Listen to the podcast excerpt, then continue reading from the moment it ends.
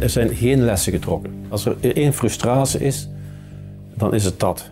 Er zijn geen lessen getrokken. Ik denk de omvang van deze ramp, daar kan niemand op voorbereid zijn. Maar er zijn onhandigheden geweest, er zijn onwaarheden geweest, er zijn leugens geweest. Ik denk met de bedoeling om mensen te sparen. Maar wij weten vanuit de traumapsychologie dat je best zo snel mogelijk, zo volledig mogelijk, zo eerlijk mogelijk moet zijn. De leugen gaat met de lift, maar de waarheid komt met de trap. Mijn angst is, als het morgen opnieuw gebeurt, dat er heel veel instanties terug van nul moeten beginnen. En dat er heel veel tijd eigenlijk verloren is om al bepaalde scenario's te kunnen maken. Om die eerste stappen toch al door te komen. Maar op nationaal vlak ken ik geen enkele politicus die zich het lot van deze mensen aangetrokken heeft. En men heeft dan denk ik al het gevoel van oei, oei er is misschien weer iemand verantwoordelijk en politiek verantwoordelijk misschien. We gaan dat niet doen, maar daar gaat het niet over. Het gaat erover van ja, hoe kunnen we crisissen die we liever niet hebben, maar die dat toch af en toe zijn, hoe kunnen we die op de best mogelijke manier beheersen? Jammer. Ehm, daar zijn we een beetje ja, klein volk in, denk ik. Het busongeval in Sierre is een van de grootste rampen die ons land te verwerken kreeg na de Tweede Wereldoorlog. 28 Belgische slachtoffers bij een ongeval in het buitenland. Het is een drama waar in 2012 niemand op voorbereid was. Ik ben Lies Skout, psychotherapeut gespecialiseerd in rouw- en verliesbegeleiding.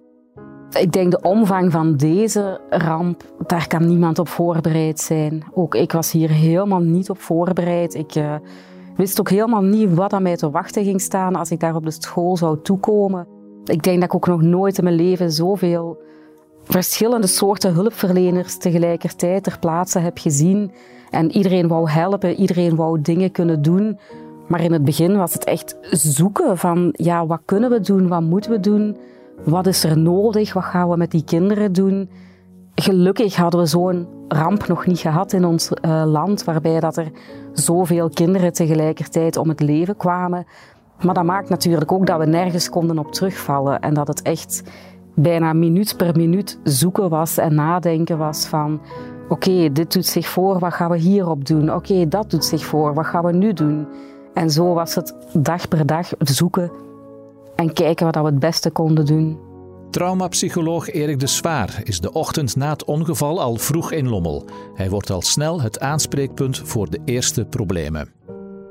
Ik was het ook die ochtend die toen ik op weg was naar het stekske onmiddellijk uh, de verantwoordelijke van het psychosociaal interventieplan van de FOD Volksgezondheid geactiveerd heb. Want per provincie heb je een psychosociale manager, dat is een ambtenaar, een psycholoog die eigenlijk uh, in tijden van ramp instaat voor de coördinatie van de hulp aan de slachtoffers. Dus dat is een heel belangrijke persoon die ook niet op de hoogte was, dus die eigenlijk vanuit het Gentse moest komen en pas omstreeks half tien in Lommel aankwam. En dan begint iedereen te rennen, maar dan krijg je ook heel veel dingen in handen waar je niks mee kunt. Bijvoorbeeld uh, de directrice die een telefoontoestel in uw handen uh, steekt en zegt: Het is uh, een of andere hulpcentrale, ik weet niet wat ik daar moet tegen zeggen, dus hier doet jij dat maar. En dan krijg je een verantwoordelijke van de noodcentrale 112 uh, aan het toestel die zegt: Ik heb alle politionele slachtofferbejegenaars van de provincie Limburg naar Lommel gestuurd. Dat zijn er 17. En dan heb je 17 slachtofferbejegenaars, dan heb je zes mensen van het Rode Kruis, dan heb je CLB-mensen. Iedereen komt daartoe, maar het grote probleem is dat er geen draaiboek is. Dus er is niet zoiets om op terug te vallen van doe nu dit of doe nu dat. Alles komt uit de improvisatie van het eerste moment. Iedereen kijkt uh, op dat ogenblik ook naar u. Uh, ik ben al sinds een aantal jaren een bekende kop als het gaat over hulpverlening bij rampen. Dus iedereen denkt dan ook van dat is de man die het gaat regelen, maar je staat daar eigenlijk zonder mandaat op dat ogenblik. Tijdens het bezoek aan Sierre werden de ouders begeleid door verschillende hulpverleners. Tony Reinders. Maar het gekke is ook dat je als, als groep, en dan spreek ik eventjes over de ouders, die eerste dagen zo'n kracht hebt en zo'n kracht uitstraalt, dat je elkaar begint te helpen. Dus wij hadden eigenlijk ook geen behoefte aan externe hulp. Of externe gesprekken en noem maar op, omdat de meest symbolische hulp en gesprekken op die moment, dat waren de momenten dat je met andere ouders beleefde die hetzelfde voelden. In die eerste dagen blust traumapsycholoog Erik de Zwaar brandjes waar hij kan. Iets wat hem later niet door iedereen in dank wordt afgenomen. Sommigen onder hen hadden inmiddels kunnen lezen dat ik naast uh, ouders ook wel familieleden van de buschauffeurs in die acute fase begeleid had. Dat stond te lezen in de media. Sommige mensen waren daar heel boos voor op mij, omdat ik. Uh, in het begin maak je natuurlijk geen onderscheid slachtoffers en slachtoffers. Maar gaandeweg ontstaat er theorievorming, ontstaan er verhalen, ontstaan er verdachtmakingen. En uh, niet iedereen gaat nog hand in hand. Hè. De, de rouwverwerking uh, is bij de ene sereen, aanvaardend. Mensen hebben soms veel aan hun geloof, maar bij anderen is het belangrijk van eerst en vooral de reden en de waarheid te achterhalen. Uh, nog anderen weten het eigenlijk niet zo goed. En zo heeft iedereen zijn eigen doelstelling die gaandeweg over, doorheen de tijd meer en meer naar boven komt drijven. En die maakt dat jammer genoeg een groep die in het begin een homogene groep is van mensen die allemaal in een doodse stilte in het vliegtuig gezeten hebben en naar Zwitserland gevlogen zijn die, die dag na de ramp. Maar die gaandeweg uh, tegenover elkaar komen staan. Uh, en dat is altijd zo. Dus als een rouwproces zo uniek is als uw vingerafdruk, kunt je niet verwachten dat mensen ook doorheen de tijd, zelfs nu tot tien jaar later, allemaal op een eenvormige manier met dat verlies zijn omgegaan.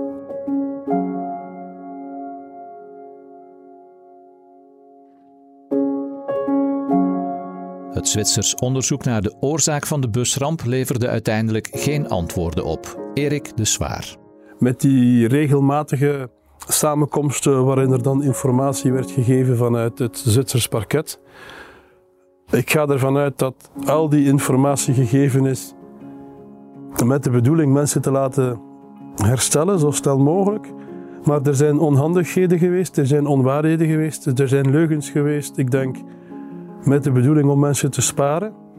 Maar wij weten vanuit de traumapsychologie dat je best zo snel mogelijk, zo volledig mogelijk, zo eerlijk mogelijk moet zijn. Want de leugen gaat met de lift, maar de waarheid komt met de trap. Tony Reinders. Nu, ik denk dat heel veel mensen geleerd hebben in die zin van als er nabestaanden zijn die vragen hebben, geef hun de antwoorden met alle details. Want heel veel mensen die zeggen van ja, we gaan dingen verbloemen, we gaan dingen verzwijgen uit angst om iemand te kwetsen. Maar je kwetst eigenlijk iemand veel meer als je het niet gewoon prijsgeeft, want vroeg of laat komen ze er toch achter.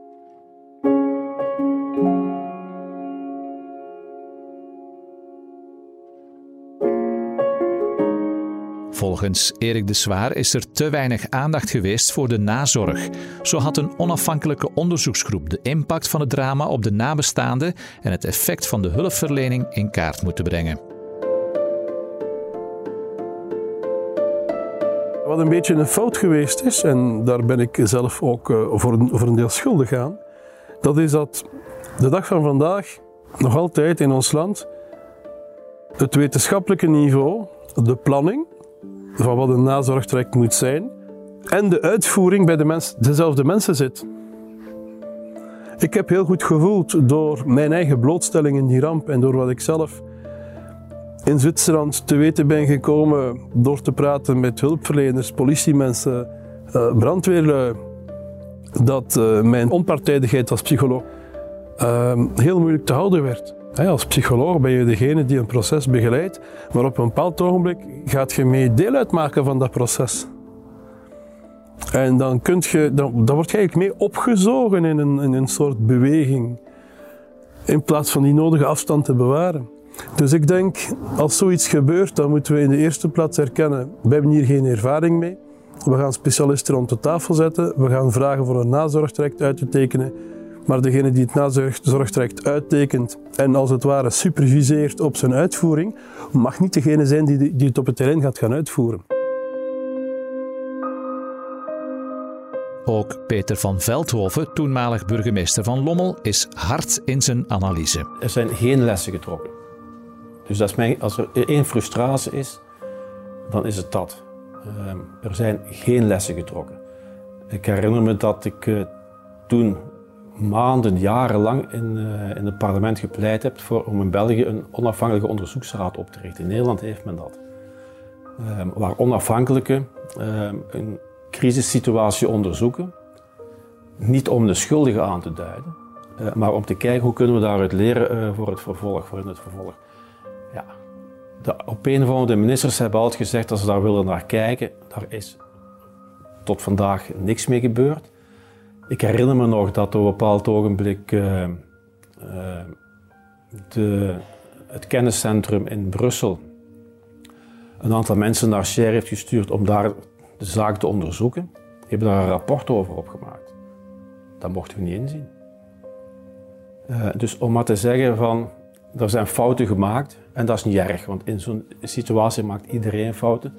Maar laat ons eruit leren. Er is geen nazorgtraject, geen draaiboek bij nieuwe crisissen en een onderzoeksrapport dat ergens in een kast ligt. Daarbovenop maakt de Belgische staatsstructuur de psychosociale hulpverlening nodeloos complex. Erik de Zwaar.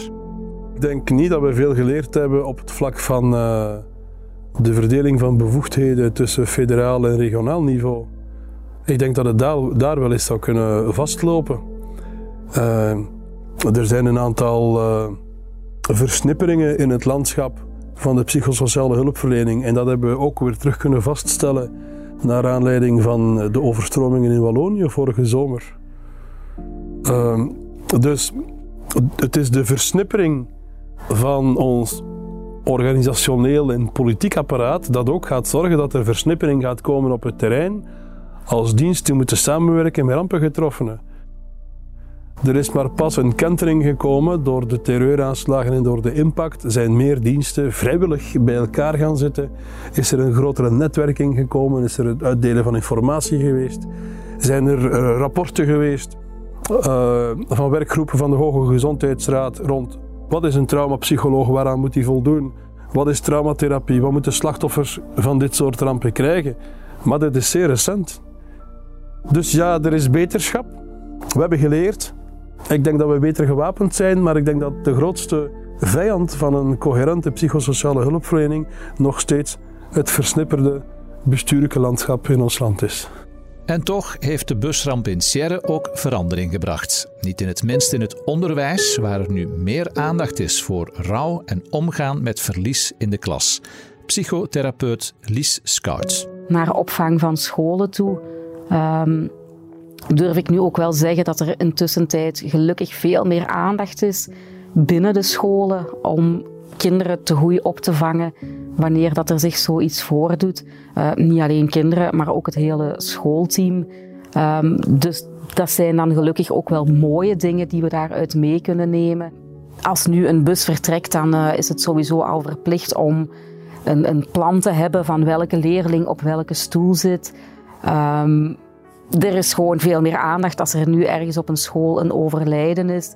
Wordt er bijna standaard in elke school een stille klas ingericht. Uh, dus ook dat is iets dat mee overgenomen is van de busramp. Um, sinds dit academiejaar ben ik ook uh, mogen opleiding beginnen geven aan de Hogeschool PXL bij de derdejaarsstudenten, lerarenopleiding, uh, om hen ook een stukje mee op te leiden in hoe ga je die binnenkort als afgestudeerde leerkracht aan het werk en wat ga je doen als je een leerling hebt die komt te overlijden of die een overlijden meemaakt in de naaste familiekring. Dus ook dat vind ik een heel mooie evolutie, dat daar zelfs nu in de opleiding ook al aandacht voor komt.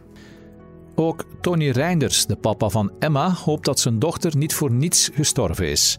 Hij trekt al jaren het land rond om lezingen te geven. Ik ben eigenlijk begonnen met, met lezingen te geven voor politie, voor brandweer, voor alle mogelijke instanties die in de toekomst, als zoiets opnieuw gebeurt, terug betrokken zijn. En dat was met een insteek altijd, als er honderd mensen in een zaal zitten en ik kan één iemand inspireren of iets bijdragen, dan is dat op zich al geslaagd.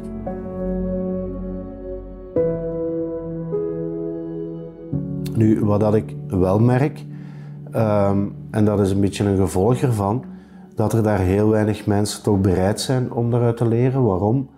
dat is nog altijd iemand zijn veiligheidsgevoel. Dat is een persoonlijke afscherming van dit mag mij nooit overkomen, hiermee wil ik nooit betrokken geraken. Uh, waarom? Omdat dat pijn doet, dat gaat gepaard met verdriet. Ja. Uh, een heel duidelijke zin die ik regelmatig uitspreek, uh, van het moment dat een dergelijke ramp een politieke bevoegdheid krijgt, dan loopt het nooit goed. Dan loopt het op voorhand al fout omdat er zoveel mensen zijn die er voor een stuk een strepen op willen verdienen. Maar mijn angst is, als het morgen opnieuw gebeurt, uh, dat er heel veel instanties terug van nul moeten beginnen. En dat er heel veel tijd eigenlijk verloren is om al bepaalde scenario's te kunnen maken. Om die eerste stappen toch al door te komen. Dat is het gevoel van, we zien wel en, en daar, daar is geen plan. Tony Reinders is niet de enige die na tien jaar het gevoel heeft in de steek gelaten te zijn door de politiek.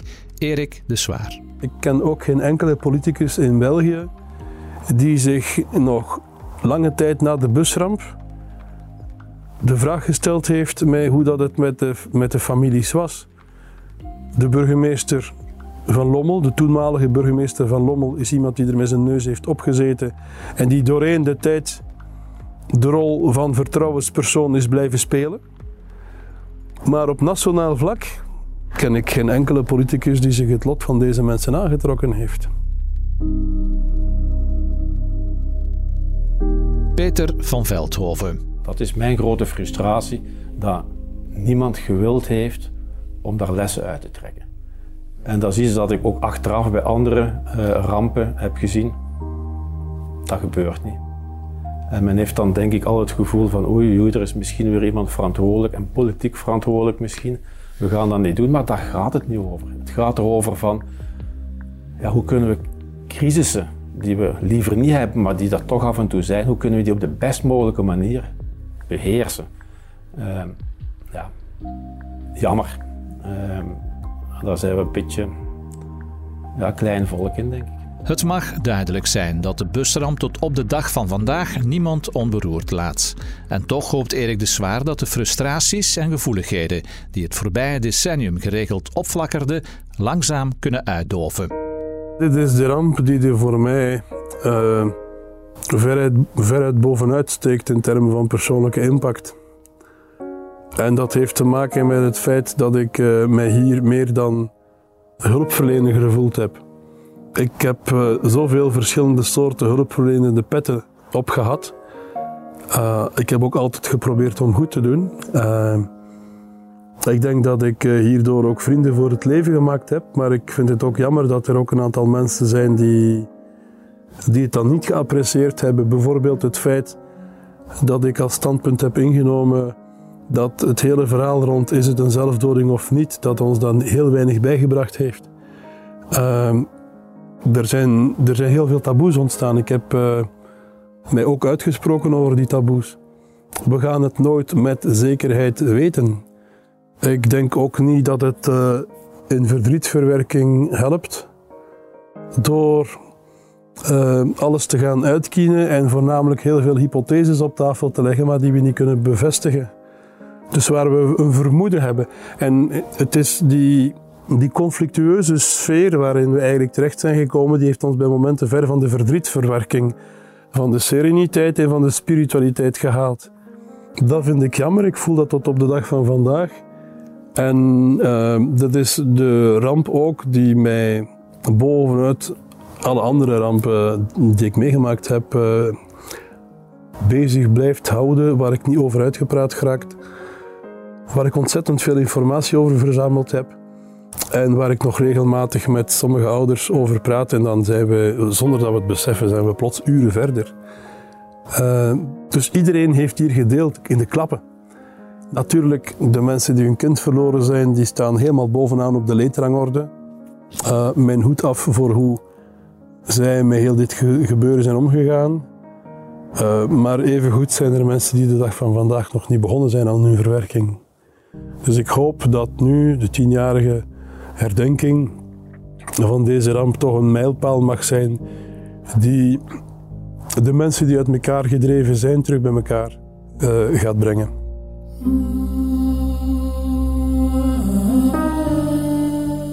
Dit was Sierre, tien jaar later. een TVL-podcast over de busramp in Sierre. Over verdriet, maar ook over liefde en hoop. Ter nagedachtenis aan de slachtoffers die voor altijd in ons hart blijven. Amy. Bart. Eline. Emily. Emma M. Emma R. Ilana. Jennifer. Joren. Kevin. Cor. Luc. Michiel. Nicolas. Roma. Raymond en Veerle.